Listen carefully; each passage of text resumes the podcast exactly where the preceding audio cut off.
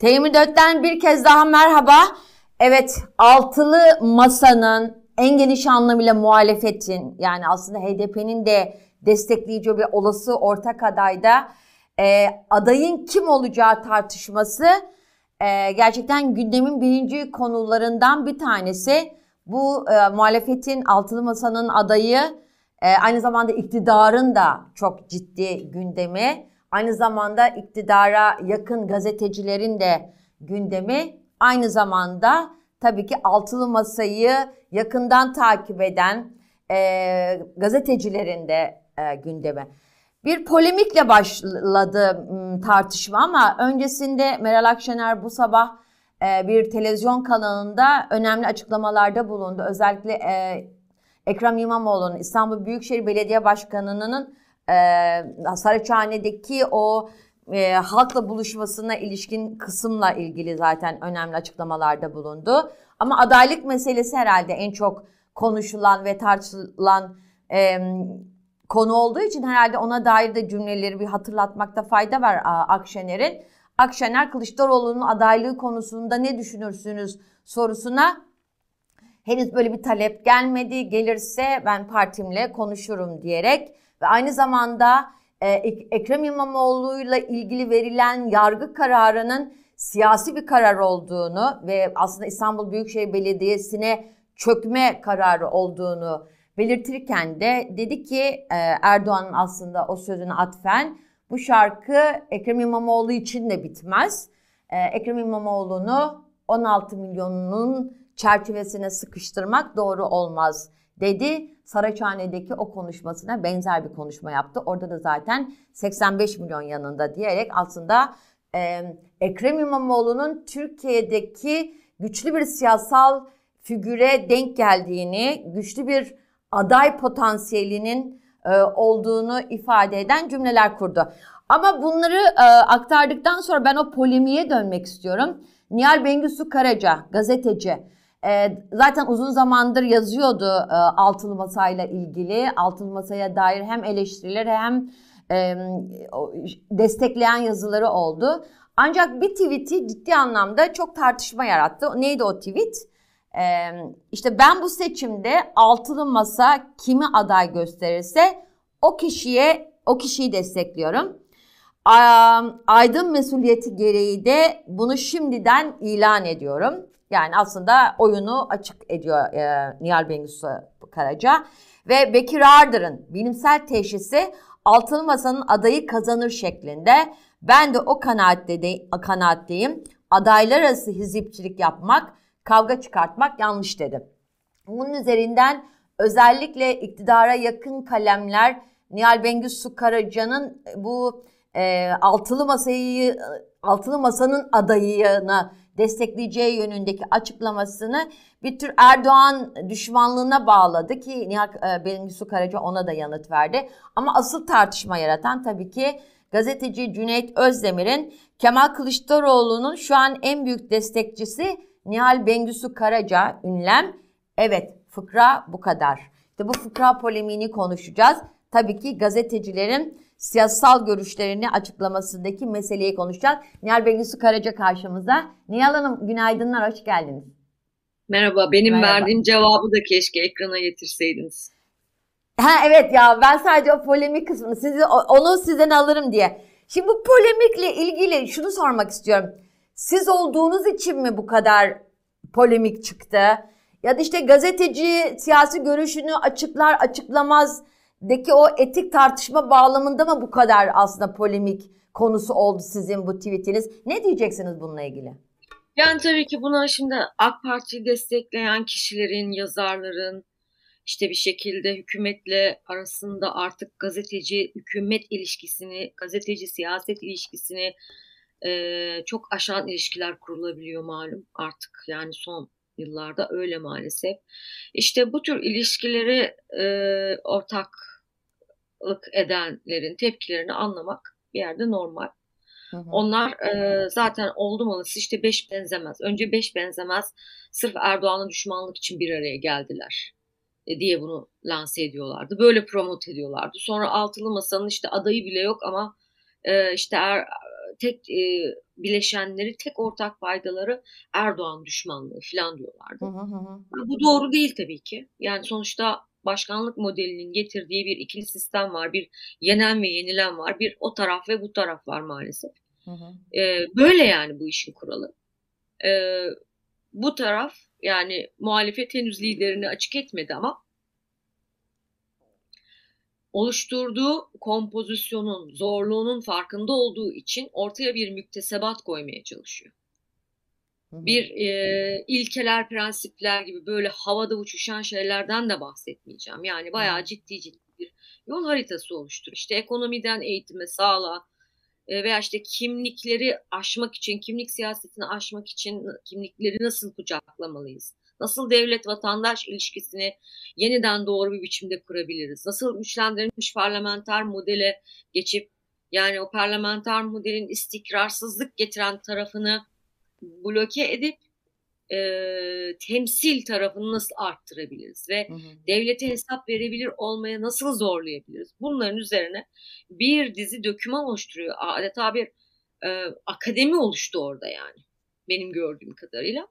Ve ben tabii ki yani altılı masa bir vazoyu aday gösterirse vazoya oy vazoyu destekleyeceğim demiyorum.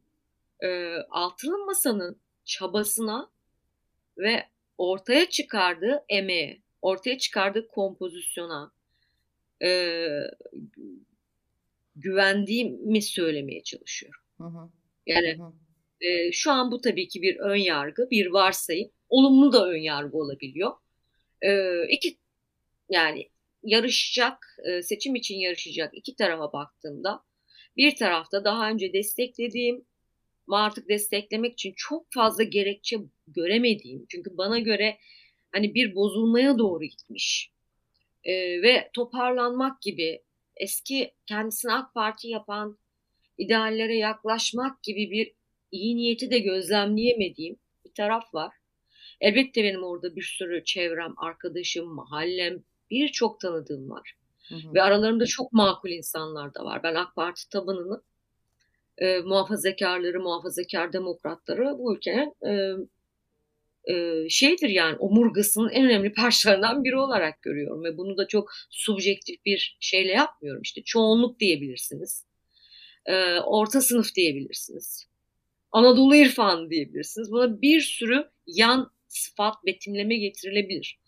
E, fakat bu durum e, yani onlarla aynı tercihte olmamı gerektirmiyor şu an e, peyderpey kendilerinin de aslında korkulardan ve tedirginliklerden zamanla uzaklaşabileceklerini düşünüyorum. Yani AK Parti'ye oy verebilirler. Cumhur İttifakı'na oy vermek gayrimeşru bir şeydir de demiyorum.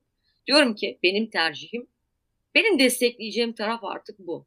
Hı hı. Çünkü hukuk diyen taraf bu, demokrasi diyen taraf bu. Devleti şeffaf yapacağız, hesap verebilir yapacağız diyen taraf bu. Ben burada bir çalışma görüyorum, bir istek, bir kaygı görüyorum ve Türkiye'nin şu anki sorunlarına dair cevap üretmeye çalışan bir e, irade görüyorum. Peki Nihal Hanım gazetecilik bağlamında mesela bu ilişkiyi nasıl kuruyorsunuz? Hani siz aynı zamanda işte zaten e, köşe yazarı olarak zaten siyasi görüşlerinizi dile getiriyorsunuz da Şimdi gazetecilik bir- bağlamında bunu nereye oturtuyorsunuz? Ben bir siyasi liderin adını söyleseydim ki aslında burada bir Twitter kullanıcısı ve YouTuber gazetecinin bana yapmaya çalıştığı şey buydu. Israrla hani bir siyasi lider angajmanına sürüklemeye e, çalışıyordu benim ismim. Evet, O Cüneyt isim Özdemir yani Kılıçdaroğlu dedi mesela siz demediğiniz Evet. halde. Ben orada dedim ki hayır yani yanlış anlıyorsunuz. Ben altılı masayı burada değerli buluyorum. Bakmamız gereken yerin orası olduğunu düşünüyorum. Ben aslında kendimce bir malumu ilan ettim. Fakat bu e, Cumhur İttifakı'nı ikt- iktidar destekleyenlerin çeşitli şekillerde hoşuna gitmedi. Çok da e, malum sebeplerle. İşte onu da biraz Ee, açıklarsanız sevinirim. Malum sebeplerle çünkü dediğiniz. Yani sonuçta hani mütedeyyin, muhafazakar ve bir dönem AK Parti kitlesine konuşmuş bir insansanız ila nihaya öylesiniz. Oranın tapılmalısınız. İpotekli e, bir demirbaş unsursunuz. E, yani öyle bir muamele yapılıyor açıkçası. Öyle bir algı var. Hı hı. Öyle bir e, yani tara mahallen belliyse tarafın da bellidir gibi. Veya belli bir dünya görüşüne sahipsen partin de bellidir, kesindir ve Mutlaktır. e, mutlaktır gibi. Oysa iyi de altılı masada benim dünya görüşümü temsil eden partiler de var. Benim gibi hani eğer burada ayrıştırıcı özellik başörtülü olmam ve e, dindar bir entelektüel olmam ise benim gibi birçok insanı, birçok bir yönde çabaları olan, dünyayı okumaya çalışan, e, Türkiye'yi normalleştirecek, siyasete normallik getirecek kavramlar üzerine derinleşebilen pek çok insanın temsil edebildiği, kendisini temsil edildiğini hissedeceği partiler var altılı masada. Hı hı. Ve bu aslında bunu vurgulamamın nedeni de altılı masada aslında sadece iki parti var. Diğer üç parti aslında oraya yük oldu. E, diyenlere de bir cevap olması içindir. Hı hı. Hı hı. Yani ben e, eski mahallemle de konuşuyorum. Yeni tanıştığım insanlarla da konuşuyorum ve benim aşağı yukarı benim gibi düşünen, benim yaşımda e, çok büyük yani AK Parti'nin kesinlikle hakkını teslim eden, çok önemli şeyler başardığını düşünen ki ben de öyle düşünüyorum. Geçmişte yazdığım, söylediğim, yani tırnak içinde bazı ileri gitmiş, bazı fazla duygusal, böyle fazla kendini kaptırmış ve tutkulu bulduğum cümlelerim yok mu? Elbette var. Onlarla ilgili ama yani bunları dökelim masaya tek tek ayıklayalım. Ben başka yazarlarınkini de çıkarırım o zaman. Hı hı. Hani bununla varabileceğimiz bir yol yok. Sadece benim cümlelerim, benim yayınlarda söylediklerim ele alınacak ve bunlar üzerinden e, işte ya oradaydı, şimdi buraya döndü gibi ifadeler sarf edilecekse bu tam bir ayrımcılık olur. Çünkü başka kanaat önderlerinin, yorumcuların da e, politikalarını beğenmediği odak daha önce desteklemiş de olsa artık desteklemek istemiyorsa desteklemez. Siyasetin anlamı bu. Bir de zaten statik insanın statikliği çok gerçekten Evet. ne derler eşyanın tabiatına aykırı bir şey. Bu şu soruyu sormak istiyorum mesela. AK Parti insanları ya da Cumhur İttifakı'na yakın insanlar. Siyasi partiler cemaat midir? Tarikat mıdır? Böyle değillerdir. Kaldık onlardan bile çıkışınız mümkün olabilmelidir yani. Onlara belki bir manevi arayışta girdiğiniz yapılardır ve çıkışınız mümkün olabilmelidir. Ya da siyasi partiler bir mezhep midir? Bir din midir hatta? E değildir. Yani e, ben durduğum yerde duruyorum açıkçası. Etrafımdaki hayat dönüyor ama dönenler döndüklerini kabul etmiyorlar. Ve benim durduğum yerden "Hı, şu an yani şu an Türkiye'nin ihtiyaçlarına ve benim değer verdiğim kavramlara uygun düşen yer burası dediğimde bunu kabullenmek istemiyorlar. Yer değiştirmiş olanın kendileri olduğunu kabullenmek istemiyorlar. Böyledir zaten. Hani malum nedenler dediğim şey de bu. İnsanlar bunu inkar edeceklerdir bir süre. Yani nereden nereye gelmiş bir parti var. Nereden nereye gelmiş pratikler ve uygulamalar var. Onların değiştiğini dolayısıyla bizim bakışımızın eğer eski ilkelerimizde tutarlıysak bizim artık böyle bir hani siyasi kombinasyona destek veremeyeceğimiz aslında aklın yoludur. Akıl Hı hı. sahibi herkes bunu kabul eder. Hı hı. E, fakat işte duygularla yapılan çok takım taraftarlığı, futbol amigoluğu gibi, futbol Hı hı. takım amigoluğu gibi yap, yapıldığı için ve siyasi bir taraf tutmak da biraz buna benzer reflekslerle gerçekleştirildiği için anlamak güç oluyor. Ama benim dikkatimi daha çok çeken tam da aslında benim bu yanlış dediğim şeyin içinde olan kişilerin. Yani muhalefetin içinde olup e, gruplaşmaya, ayrışmaya, frekanslara bölünmeye, e, yani insanların içindeki tedirginliği, korkuyu, onları fraksiyonlara ayırmaya e, çok hevesli kişilerin verdiği tepkilerdi. Yani, Yani bizim- anladım. Daha seküler kesimden gelen tepkiler. Muhalefet dediğiniz, evet muhalefet dediğiniz zor zamanda bir araya gelir. Yani sonuçta bakın burada bir masa var. Altılı masa diyoruz işte. Yani bu büyük bir imkan. Yani kendini koruyabilirse bana göre tamamen şahsi fikrim seçime daha aylar var. e, kendini o kombinasyonu koruyabilirse, o farklılıkların bir aradalığını koruyabilirse bir aday çıkaracak ve hani ortak tek bir adayla gidilirse muhalefetin şansı çok açık ki daha fazla. Ben böyle düşünüyorum. Ama ve bu bunu açıklamayı da pro- e, sorun görmüyorsunuz. Çünkü zaten ben e, bunu yani benim kalemim bu zaten diyorsunuz değil mi Nihal Hanım? bu neden sorun olsun Candan Hanım? Neden sorun olabilir yani? Ben gazeteci işte bir bu- ben politika yorumcusuyum. Hı hı. Ben opinion, maker'ım. Yani bunlar görüşe dahil değil mi? Hani opinion'a dahil değil mi? Yani ben bunu destekleyeceğim diyorum. Çünkü ortalık o mu aday olsun, bu mu aday olsun, hayır o olmasın, hayır bu asla aday olmasın diyor. Böyle bir tablo var. Ee, ve o tabloda açıkçası e, o manzaraya baktığımda benim zihnimde beliren fikir ve bana istemediğim ithamların yapılması sonrasında benim zihnimde beliren fikir oydu ve onu söyledim, yazdım. Hı hı. Siz bu tepkinin geleceğini mutlaka varsaymışsınızdır. Çünkü e, ik- yani Türkiye'yi böyle yarıdan bölmek anlamında söylemiyorum. Ben e, o yarılmanın çok doğru olduğunu düşünmüyorum. Çok top, toplumun katmanlı olduğunu düşünüyorum ama velev ki işte bu tam da bu Cumhurbaşkanlığı hükümet sistemi üzerinden tarif edersek böyle toplumun yarısı iki tarafında tanıyan birisiniz. Böyle bir yani bunun bu kadar tepki demeyeyim yanlış belki ifade olur. Bu kadar tartışılabileceğini öngördünüz ve sonrasında mesela aslında bir tür e, o tartışmaya dahil olanların e, niyetlerini nasıl yorumladınız? Ee, tartışmaya dahil olanların niyetlerini yani aslında insan kendisiyle ilgili şeyleri çok rahat öngörmüyor.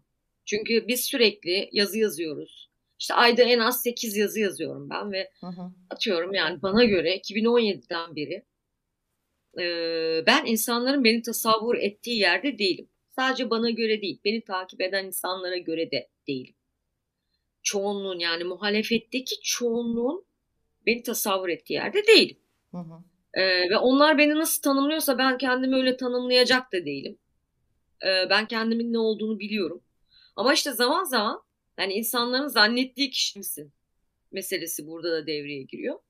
Ee, yani veya benim kendimi kendime ilişkin tasavvurum insanların da zihnindeki tasavvurla üç aşağı beş yukarı örtüşür diye düşünüyorsunuz. Ama öyle olmayabiliyor. Ortada bir çelişki olabiliyor. Muhalefetten bazı kişilere göre ben hala başörtülüyüm. O kadar. Hı hı. Bir zamanlar AK Parti'yi desteklemiş mütedeyyin bir kadın yazar. Ee, dolayısıyla böyle kişilerin tercihleri mutlak surette Cumhur İttifakı'dır. Hı hı. Muhalefetten bir kesim böyle düşünüyor. Hı hı. İşin ilginci Cumhur İttifakı'ndan bir kısım da böyle düşünüyor. Yani Evet. sen böyle bir kadınsın ve yerin burası. Ve bir kere hani o burada da yazar değil belki kadın fi- Hı hı. ön plan tanım olarak. Hı hı. Yani dolayısıyla e, bu kesimlerin e, benim üzerimde tanımlama ya benim üzerimde yaptıkları tanımlamaları ciddiye alırsam ben ben olamam. O yüzden hani bakmayı dahi artık şey yapmıyorum yani ama önüme düşüyor. Önüme düştüğü zaman yani gördüğüm zaman şunu düşündüm. Yani şu açıdan üzücü geldi. Çok destek de vardı bu arada. Evet Daha evet. doğrusu ben de alttaki yorumları çoğunu okudum. Öyle, öyle yani. Beni Kılıçdaroğlu'nu desteklemekle itham eden şahsa çok büyük tepki vardı. Öte yandan benim ne dediğimi gayet iyi anlamış olan insanlar vardı. Ve bunu bu netlikte yani yazılarımda fark etmemiş. Netlik net halde görmüş olmakta. Ee, evet ya iyi oldu diyen insanlar da çok fazlaydı. Ama hani bir grup insan e, sanırım altılı masayı Kılıçdaroğlu'yla çok özdeş gördükleri için benim altılı masanın adayını destekleyeceğim. Çünkü hani o masaya güveniyorum şeklindeki çıkışım onları çok rahatsız etti. Hı hı. Hı hı. tam da aslında beni endişelendiren tablo buydu açıkçası. Hı. Çünkü hani eğer muhalefetin bir şansı olması isteniyorsa e, ben altılı masayı bir arada tut altı masanın bir arada kalmasından başka çok fazla seçenek olduğunu düşünmüyorum. Özellikle şu an gelinen noktada bakın potansiyel adaylar arasında bir Ekrem İmamoğlu vardı. Ama şu an o kadar riskli bir aday haline geldi ki. Evet, mahkeme Yani kararından ona sonra. yapılan zaten bu yönüyle de çok iç parçalayıcı değil mi? Hı hı. Yani belediye başkanlığını, performansını beğenirsiniz, beğenmezsiniz. Hani cumhurbaşkanı olursa nasıl bir cumhurbaşkanı olur? Aa, acaba acaba diyebilirsiniz herhalde herkesin e, bütün potansiyel cumhurbaşkanı adaylarının gözünün önünden bir geçirme hakkı vardır herhalde. Fakat şu an İmamoğlu'na yürütülen şey dava gündüz gözüyle bir kan davası yürütülüyor yani ve hani kırmızı pazartesi gibi de geliyordu bu hikaye aslında. Ben Evet. 2021 Hı yılı hı. Aralık ayında hani ta, tavşana değil şapkaya bakın diye bir yazı yazmıştım. Hı hı. Geçen en son yazdığım yazıda da ona atıf yaptım, referans verdim. Yani orada açıkça terör meselesi, terörist e, belediyeye terörist çalış e, terörist işçi aldın üzerinden bu bahaneyle, bu mazeretle yapılan e, teftişlerin hiç hayır alamet olmadığını, demek ki İmamoğlu için siyasi yasa düşünüldüğünü söylediğimde e, bazı kişiler böyle uçtuğumu filan iddia etmişti. Evet. Nitekim de gidişat öyle görünüyor. Hı hı. Ama bir mantığı okuyabilmesi lazım artık bu altılı masaya akıl veren. Olmaz burada iki parti var. Bunlarla olmaz. Aslında işte şu olsun. Masaya yumruğunu vuran kişi aday olur. Silir, siler süpürür diyecek kişiler e, bence çok fazla iktidar Cumhur İttifakı'nın devletle güçlerini iç içe geçirmiş. Hı hı. Artık rejimle, devlet gücüyle, devlet imkanlarıyla monoblok halde olan, bunların hem siyaset içinde hem siyaset dışında uzantılarıyla beraber bir monoblok olarak çalışan bir yapı olduğunu ve artık hani şöyle dertlerin olmadığını ya işte biz İmamoğlu ile e, böyle bir şey yürütürsek imajımız çok yara alır Hı hı. veya işte çok e, demokrasiden sapmış gibi görünür müyüz gibi kaygıların olduğu düşünülüyor hala. Evet evet hatta bir değil mi bir şeye Öyle göre de kom yani komplo diyeceğim ama aslında bu İmamoğlu'nu parlatma e, yargı kararıydı neler falan neler gibi. konuşuldu. Hı. Neler neler konuşuldu. Bakın az Hı. önceki sözümü bitireyim. Yanlış bir yerde kalmasın. Yani hala e, demokrasiden sapma gibi e, algılanabilecek düşüncelerden Cumhur İttifakı'nın uzak durabileceği gibi bir iyimserlik içinde görüyorum bazen ben.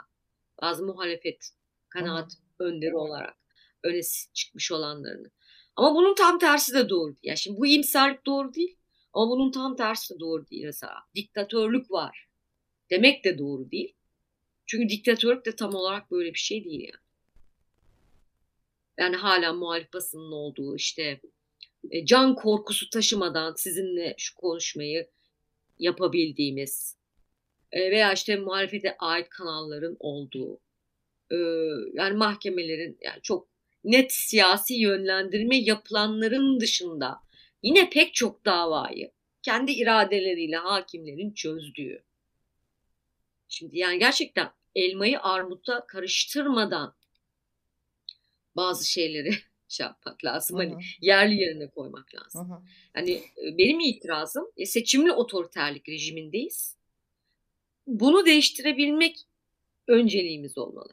Hı hı. Yani öncelik bu olmalı. Yani bu ülkede demokratım e, diyen ve e, hayır efendim 21. yüzyıl devleti böyle olmaz.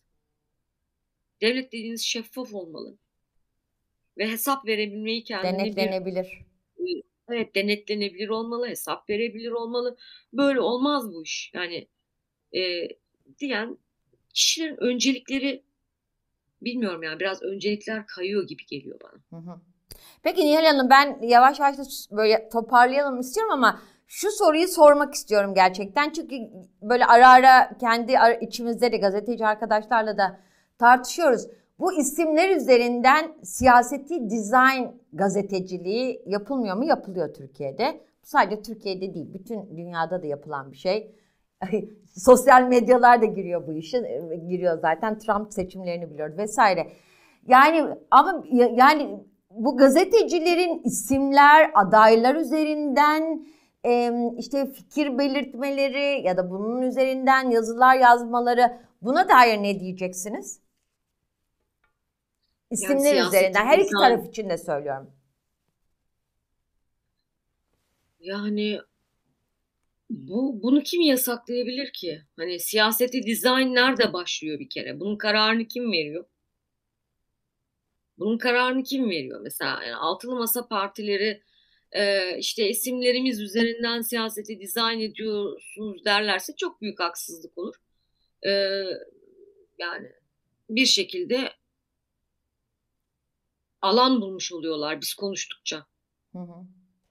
Anlatabiliyor muyum? Hı hı. Yani onların yapıp etmelerine karşılık insanların yorumları olacak.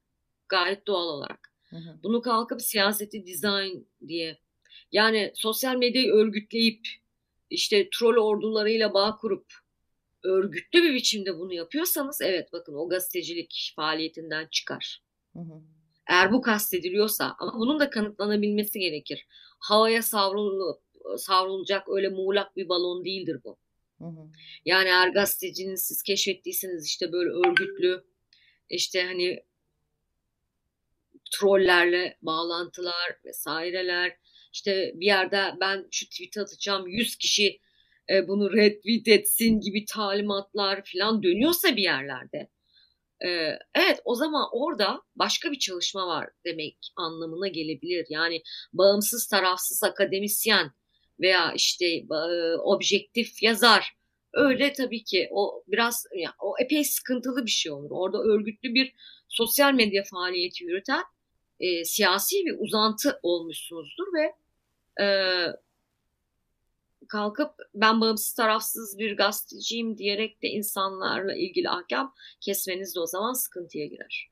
Aha, Ama aha. yani kimsenin de hiçbir siyasetçinin de gazetecileri siyaseti dizayn ediyorlar diye işaretlemesine izin vermemek lazım.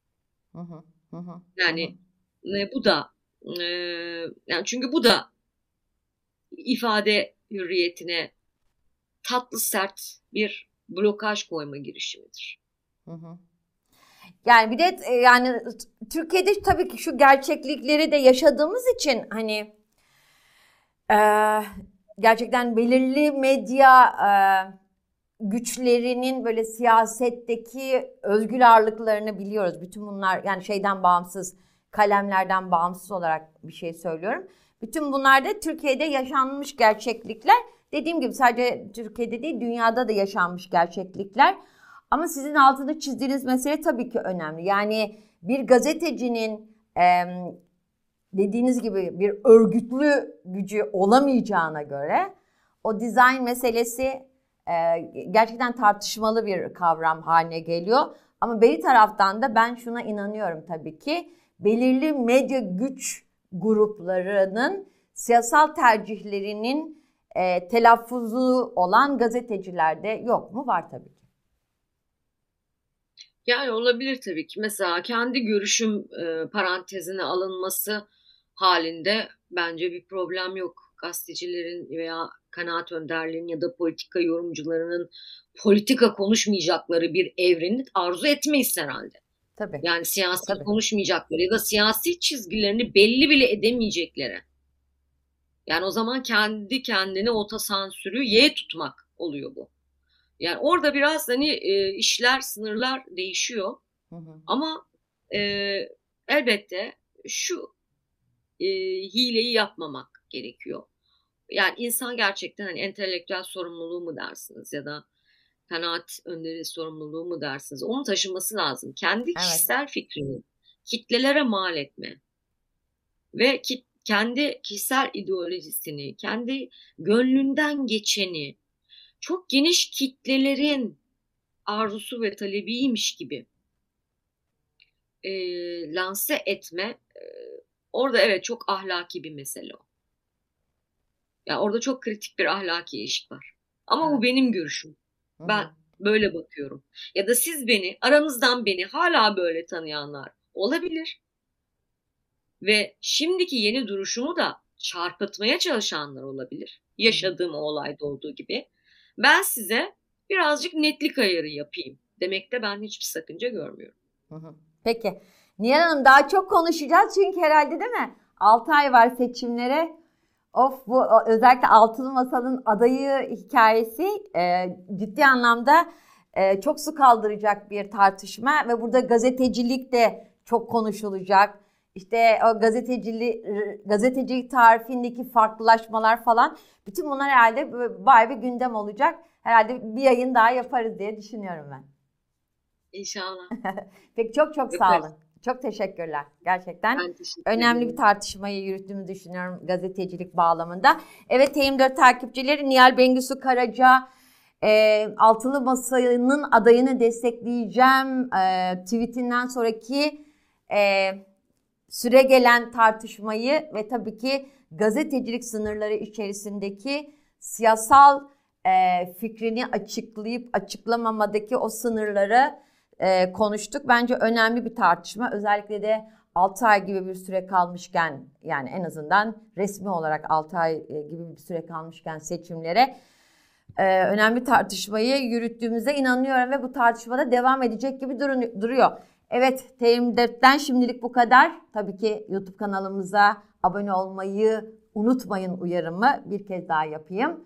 Bağımsız bir gazetecilik gerçekten e, siyaset kadar, e, daha bağımsız gazetecilik e, de- e, demokrasi açısından çok ciddi bir nefes alanı. O yüzden destekleriniz bizim açımızdan önemli. Şimdilik hoş kalın, hoşça kalın.